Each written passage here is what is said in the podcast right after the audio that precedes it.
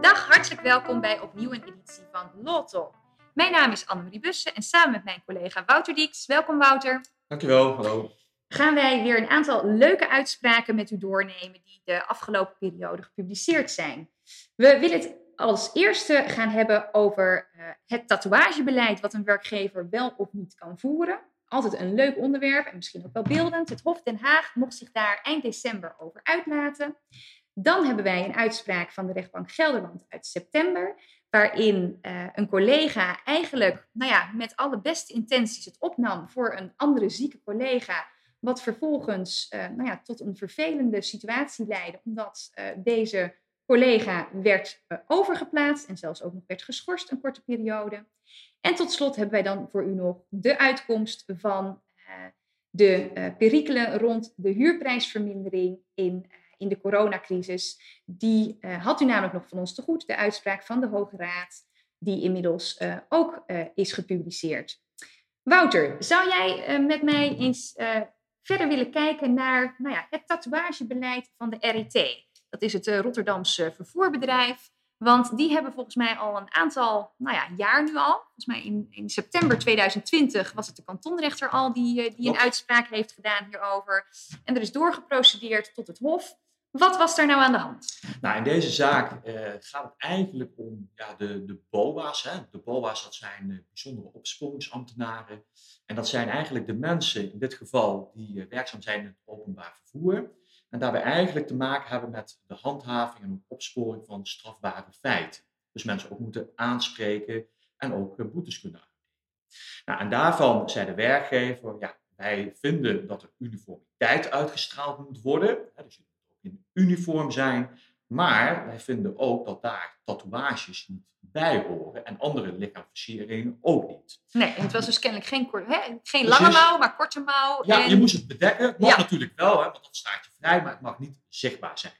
Nou, en daar was eigenlijk de vakbond, die was het daar niet mee eens. Want ja, dat is toch wel een inbreuk hè, op jouw eigen, ja, je eigen privésfeer, op je eigen eh, ja, eerbiediging van, van, van, de, van, de, van je levenssfeer. En die zei van ja, jullie hebben misschien wel een instructierecht. Ja, daar zijn ook grenzen aan verbonden. Nou, en die zaak is toen voorgelegd aan de kantonrechter in Rotterdam. En die gaf de werkgever gelijk. Die zei, nou ja, dit tatoeagebeleid mag wel. Nou, zoals je net al zei, dat is nu eh, voorgelegd aan het Hof. En die heeft er dus eh, eind december een uitspraak over gedaan. Want wat, dus heel even, wa- wat je dus hier volgens mij ziet, is inderdaad hè, dat, dat instructierecht van een werkgever, dat jij nou ja, regels en voorschriften mag geven als werkgever hoe de arbeid moet worden verricht en hè, wat de uitstraling moet zijn. Dat botste dus met de grondrechten van de werknemers, van de BOA's, hoe zij zich willen presenteren of hoe zij hè, nou ja, nou qua privacy eruit willen zien en hoe ze zich daarbij bij voelen. Het ging niet eens om, om een geloofskwestie of iets dergelijks. Nee. Want daar zie je ook nog wel eens wat, wat, wat discussie en uitspraken over. Nee, daar ging het, nee, daar, dat, dat, dat speelde in deze zaak speelde dat niet. Maar ja, zoals je net noemde, dat was eigenlijk ook de eerste vraag die het Hof ging beantwoorden.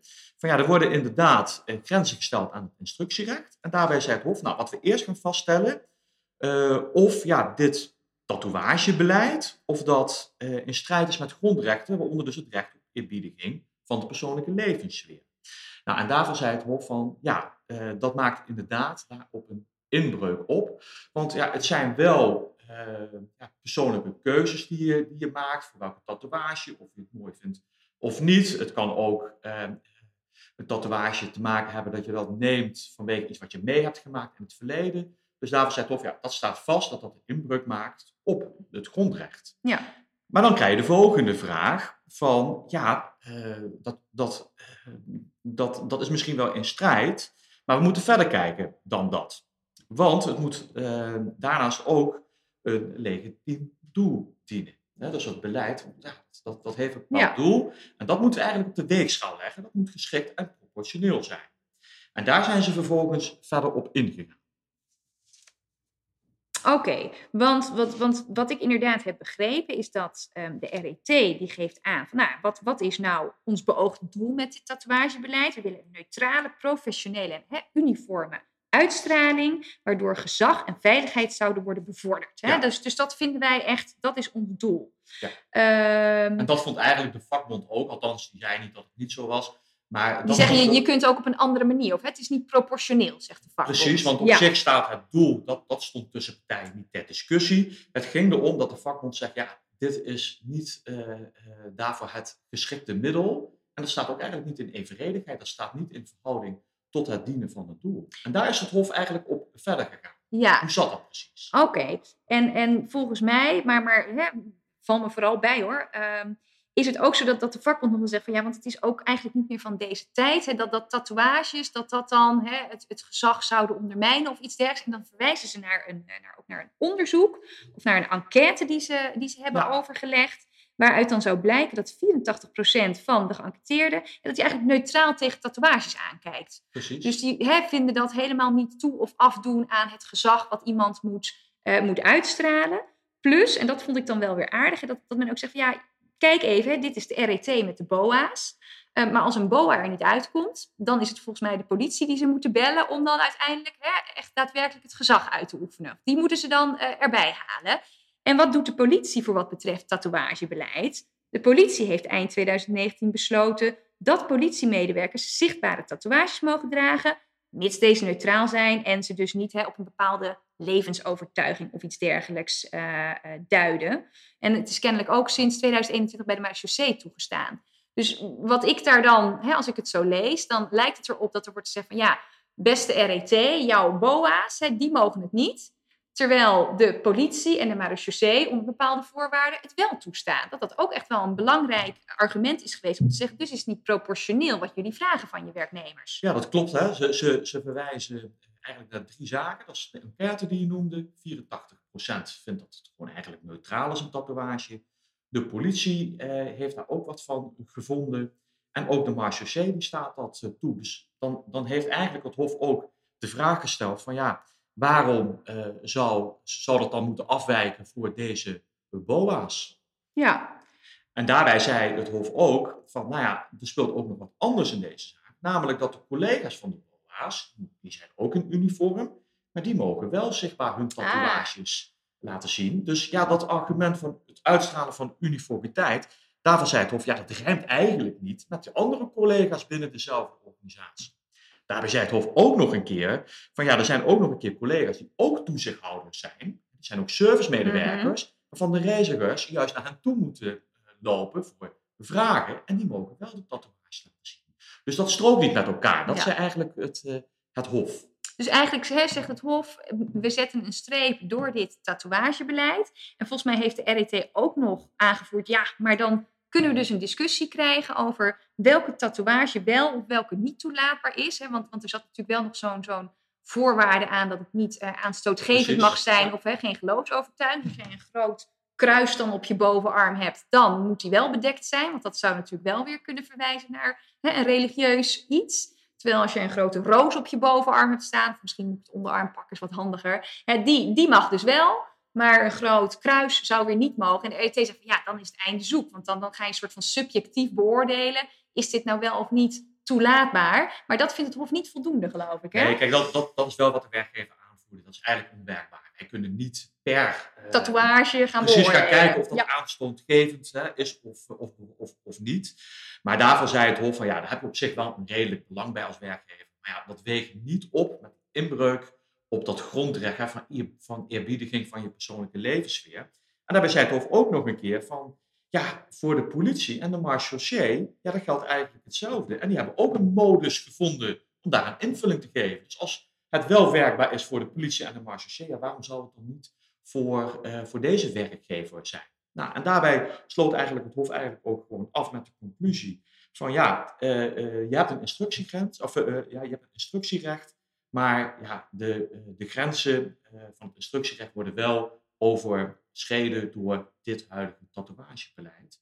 Eh, en, dat vond, en, stelde het Hof eigenlijk dan ook de vakbond gelijk dat dit gelijk, dat dit tatoeagebeleid dus niet, dus niet, dus niet mag. Nou, volgens mij een, een duidelijke uitspraak van het Hof. Wat, wat mij dan wel weer te binnen schiet, is, en dat is wel weer nou, wat langer geleden, tien jaar geleden. Hè, want dit soort uitspraken kennen we natuurlijk wel meer, is, is, is het dan misschien ook nog een, hè, dat, dat er in de tijdsgeest iets verandert? Omdat als je kijkt naar eh, een uitspraak van, nou, 24 september zie ik alweer 2010, dus dik tien jaar geleden van de rechtbank Haarlem, over een KLM-stewardess. Dat ging over een stewardess die uh, gemillimeterd haar had. Volgens mij mocht ze het niet korter dan 1 centimeter hebben. Um, die had allerlei piercings, ringen, tatoeages. En daar was het nog de KLM die wel aan het, hè, aan het langste eind trok. Want daar heeft de kantonrechter de arbeidsovereenkomst van deze stewardess uiteindelijk wel ontbonden. Met ook maar een beperkte vergoeding. Omdat um, de kantonrechter zegt van ja, oké, uitgangspunt. En daar hebben we weer dat instructierecht dat je als werkgever, je mag voorschriften geven, um, ook met betrekking tot de uiterlijke verzorging van je personeel en wat men moet dragen tijdens het werk qua kleding. Die is ook weer aan grenzen gebonden. Alleen daar zie je veel meer de eisen van de redelijkheid en billijkheid. Dus daar wordt het een soort van in het goed werkgeverschap dan gegoten. En um, er wordt ook aangegeven, ja, bij deze dame was zeg maar de keuze hoe zij eruit wil zien met dat hele korte haar. Ja, dat was alleen maar ingegeven door haar persoonlijke voorkeur niet gebaseerd op godsdienstige of levensbeschouwelijke opvattingen. En um, ja, dat vond de kantonrechter niet voldoende om het belang wat de werkgever had bij die uniforme en professionele uitstraling, om daarvan te zeggen, nou dat is toch toegestaan. Wat hier volgens mij dan wel weer speelde, is dat deze dame het ook wel een beetje heeft opgezocht. Of laten we het zo zeggen, ze is echt wel de grenzen op gaan zoeken. Want er waren kennelijk afspraken van, joh, dat haar van je, doe het dan niet korter dan 1 centimeter. En vervolgens zegt mevrouw op zitting, ja, maar jullie hebben helemaal niet gekeken hè, op het moment dat je me ontsloeg. Of het wel, het is helemaal niet opgemeten, want misschien was het wel langer dan 1 centimeter. En um, dan zegt de kantonrechter ook, zegt, joh, beste werknemer, elke keer zeg jij toe, ik ga de regels opvolgen en je doet het niet. Dus volgens mij heeft daar ook wel meegespeeld dat daarom KLM uh, te horen kreeg, ja hoor, dit beleid mag je op deze wijze voeren. Maar goed, wie weet wat er nog meer uh, gaat komen aan, uh, aan rechtspraak over hè, het instructierecht en het botsen van, van grondrechten. Wij zullen het in ieder geval in de gaten houden. Ja, nee, zeker. En nou, die uitspraak waar je het net over had, ja, dat is inmiddels al wel weer van twaalf jaar geleden. Daarom. En, en dan zien we nu dat het toch wel wat wijzigt. En dat is eigenlijk ook wel wat, wat uh, de rechter uh, in die zaak van twaalf jaar geleden ook zegt, hè, met betrekking tot dat kaalscheren van het hoofd. Daarbij zeggen ze, ja, op dit moment is dat nog niet algemeen aanvaard of gebruikelijk, zo'n zo dergelijke haardracht. Ja, en dat kan misschien nu als zo'n nou, zaak... Anouk, nu... volgens mij, Anouk, toen ze nog in de stoel zat bij de Voice, had ze volgens mij een redelijk gemillimeterde kapsel. Ja, ja precies. Dus Kijk, en, nu, en nu zijn we wel weer twaalf jaar verder. Dus als deze zaak nu voor zou komen te liggen, is het nog maar de vraag of dat uh, in, in, ja, in de periode waarin we nu leven, uh, of dat nu nog, nog uh, in, ja, naar maatstaven van redelijkheid en billijkheid, of dat nu nog wel, wel of niet aanvaardbaar zal zijn. Maar dat is even afwachten of er een soortgelijke zaak nog voor de rechter komt. Nou, leuk. En dan maken we volgens mij een sprongetje naar, nou ja, wel iets anders. Ehm, namelijk, um, ja, misschien dat het goed is. Ik zal daar heel even kort de casus schetsen.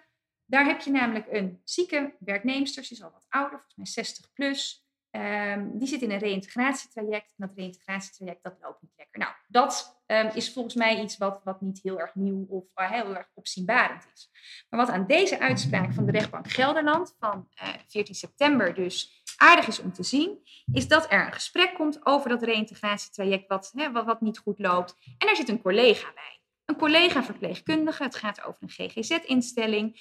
En die collega-verpleegkundige, die zit daar uh, eigenlijk als mentale steun. Je ziet wel eens dat er een vertrouwenspersoon aanschuift. Maar hier was er een collega die zei van, joh, tegen die zieke collega, ik ga met jou mee. Ik zit hierbij om jou te steunen uh, als je het hè, heel erg lastig vindt. En wat gebeurt er dan tijdens dat gesprek? Kennelijk aan het eind van het gesprek zegt dus die collega die erbij zit als steun, ik wil graag nog iets voorlezen. En dat doe ik hè, namens ook zes andere collega's. Precies, er wordt een brief uh, wordt er vervolgens voorgelezen. Ja, er wordt een brief voorgelezen. En die ga ik nu niet helemaal herhalen. Maar hè, de strekking is wel van, joh, ik werk al heel erg lang, al 11,5 jaar, werk ik met deze zieke collega samen. Ik ken haar dus goed. En um, um, wat wij zien is dat zij, uh, na volgens mij heeft ze een, een herseninfarct gehad. Wat wij zien is dat het reïntegratietraject voor geen meter loopt. Het lijkt eigenlijk meer op een verbetertraject dan op een hersteltraject. En dan wordt er nou ja, echt wel kritiek geuit op de manier waarop de leidinggevende en waarop de werkgever dus dat reïntegratietraject vormgeeft. En, de collega's, hè, want zij leest die brief voor, maar dat doet ze ook namens. Ja, dat zegt ze ook letterlijk. Ze zegt ook namens mijzelf, maar ook namens mijn collega's wil ik dit voorlezen. Dit als mentale ondersteuning voor onze collega, omdat wij het gevoel hebben dat onze werkgever niet op een positieve manier achter onze collega staat.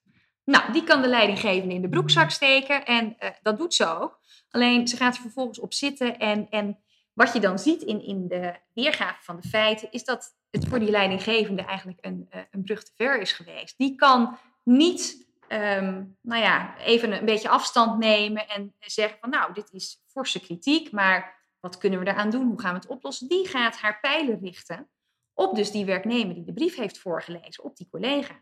En um, die collega hè, die probeert wel ook naar die leidinggevende toe nog een keer een berichtje te sturen van joh, ik wil niet dat dit tussen ons in komt staan, ik wil het er graag nog een keer over hebben. Maar... Ze wil graag een gesprek ja. om dat dan in ieder geval de lucht te klaren, want ja, die voelt ook wel aan van... Het is nou niet helemaal lekker gevallen. Precies. En uh, nou ja, die leidinggevende houdt dat eigenlijk af. En uiteindelijk komt er wel een gesprek. Maar dan is de boodschap van ja, mijn vertrouwen. Hè, de leidinggevende zegt mijn vertrouwen in jou, collega, is nu zo geschaad dat um, je overgeplaatst gaat worden. Je wordt geschorst voor een bepaalde periode. Ja, ze noemen dat dan uh, vrijstelling van werk. Hè? Ja, maar het komt er natuurlijk op neer dat er wordt gezegd... jij moet hier eventjes niet op de werkvloer aanwezig zijn. Precies. En jij wordt overgeplaatst naar een ander team. Jij wordt in een ander team gezet. En daar zegt dan deze uh, werknemster van... ja, maar ho, daar ben ik het niet mee eens. En um, zij gaat naar de kantonrechter en vecht dus eigenlijk die beslissing tot, tot hè, uit het team halen tot overplaatsing. Die vecht ze aan. Ja, want zij wil eh, weder te werk gesteld worden. Hè. Van, ja, ik wil gewoon eigenlijk terug naar mijn eigen werkplek en mijn eigen werkzaamheden gewoon weer, weer kunnen verrichten. Ja, en wat je, dan, wat je dan eigenlijk ziet is dat de kantonrechter nou, eigenlijk toch wel korte metten maakt met de manier waarop deze werkgever, deze leidinggevende met de situatie is omgegaan. En uh, de kantonrechter geeft heel duidelijk aan van ja, ik zie hier geen redelijke grond om deze mevrouw uit het team te halen en over te plaatsen. Er was ook geen redelijke grond voor de, uh, voor de schorsing. Dus eigenlijk voor het feit dat ze even niet uh, aanwezig mocht zijn. Um, er wordt ook aangegeven, van het is niet alleen hè, deze collega, maar die brief is namens veel meer anderen voorgelezen. Waarom hè, is dit dan de enige dame die hier dan nu voor wordt gesanctioneerd? Precies, ja, dat wordt eigenlijk letterlijk gezegd. Daar waarom alleen deze werknemer of deze collega op de inhoud van de brief is aangesproken en, en letterlijk wordt afgerekend, is ook wat, wat de rechter zegt. Ja, terwijl het, het, namens nog zes andere collega's is, uh, is uh, verteld en, uh, en meegedeeld. Ja, dus wat, wat je hier ziet is dat er de vorderingen van deze werknemers nu worden integraal toegewezen. En dat betekent dus dat ze gewoon weer in haar eigen team aan het werk mag. En dat dus eigenlijk nou ja, de leidinggevende, die natuurlijk al enigszins uh, op de teentjes was getrapt, nu ook nog weer gewoon met deze dame moet, ja, moet gaan samenwerken. Omdat de kantonrecht zegt, ja, maar dit is niet de manier waarop we in dit soort situaties um, als werkgever uh, mogen ingrijpen. Ja, en, dan, en, en, daarbij waren ook nog andere omstandigheden van belang. Hè? Namelijk ook dat deze uh, collega een onberispelijke staat van dienst heeft en ook echt aantoonbaar ook een goed verpleegkundige eh, was. En, en dat heeft de, heeft de rechter ook nog meegenomen in deze zaak. Ja, het was gewoon iemand die echt uit oprechte zorg heeft geprobeerd om iets uh, op tafel te leggen. Ja, dat was misschien hard, maar wel duidelijk. En ook volgens mij wel omdat ze daarna ook zei, joh, ik wil graag hè, de lucht klaren zoals jij aangaf. Ik wil graag dat we met elkaar hierover in gesprek gaan. En um, um, nou ja, dat heeft de werkgever allemaal afgewezen. Dus ja. ik denk dat de les uh, voor, uh, voor een werkgever in deze situatie is van ja, hoe nou ja, vervelend of hoe hè, iemand misschien ook gekwetst is. Want dat zegt de kantonrechter ook nog. Hè. De leidinggever heeft het veel te persoonlijk aangetrokken. Had, hè, had niet moeten gebeuren. Had eventjes nou ja, die afstand genomen en had daar uh, toch ook naar gekeken van... Oké, ik moet het zien als kritiek op de werkgever die een reïntegratietraject maar niet, uh, maar niet vlot krijgt. Um, dus als werkgever van ja, het kan hè, heel vervelend zijn en natuurlijk ook wel misschien wel bijzonder overkomen als een ondergeschikte zegt dat jij dingen niet goed doet. Maar straf dat niet meteen af. Maar ga er inderdaad in een gesprek, of desnoods onder begeleiding van een professionele derde mediator, het gesprek erover aan waar het vandaan komt. En voordat je dit soort hele grote, toch wel uh, rigoureuze ja. stappen zet. Ja, en dat is ook wat uh, de rechter echt ook letterlijk heeft uh, ja, aan de werkgever heeft meegegeven. Van ja, je had bijvoorbeeld een onafhankelijke mediator kunnen inschakelen om daarmee het gesprek aan te gaan. En dat hebben jullie niet gedaan. Nou, dan, ehm, dan denk ik dat we ehm, toch wel weer eh, eh, aardig wat eh, hebben verteld zo. Maar we willen ook nog heel graag wat aandacht voor de uitspraak van de Hoge Raad. Een recente uitspraak. Omdat jij, Wouter, in een eerdere Loltalk al het een en ander hebt gezegd over... Ja, hoe zit dat nou met die huurprijsvermindering op grond van hè, eigenlijk de, ja, de coronacrisis... Ehm, Ja. En jij had beloofd dat jij eh, ook de uitkomst zou delen. Dus bij deze. Ja, nee, inderdaad. Nee, ja, de, de- het is nu bijna eh, eh, twee jaar geleden dat de, de coronacrisis eigenlijk begon. Nou, en dat heeft voor heel veel bedrijven en organisaties ingehakt. En ook met name die overheidsmaatregelen. Waaronder bijvoorbeeld dat jij je winkel of je restaurant of nou ja, hè, je bedrijfspand moet sluiten of gedeeltelijk moet sluiten. Zoveel Ja, mensen je mag gewoon niet doen waar je je geld mee verdient. Precies, nou, en dat hakt er behoorlijk in, waardoor die omzet naar beneden gaat. En waardoor je heel veel eh, ja, organisaties, bedrijven ook gewoon de huur niet meer kunnen betalen. Ja. De vaste lasten. Hè? Ja. Nou, en daarvan eh, bestaat de mogelijkheid, op grond van, hè, van het burgerlijk wetboek, om aan de rechter te vragen dat als er sprake is van onvoorziene omstandigheden, om dan de overeenkomst, dus ook de huurovereenkomst, aan te passen. Nou, en die zaken die zijn de afgelopen twee jaar aan de kantonrechters voorgelegd. Van ja, nu zijn die overheidsmaatregelen, mijn bedrijf, pand, hè, moet, moet gewoon dicht. Ik heb geen omzet, kunnen geen mensen meer naar binnen, ik kan de huur niet betalen.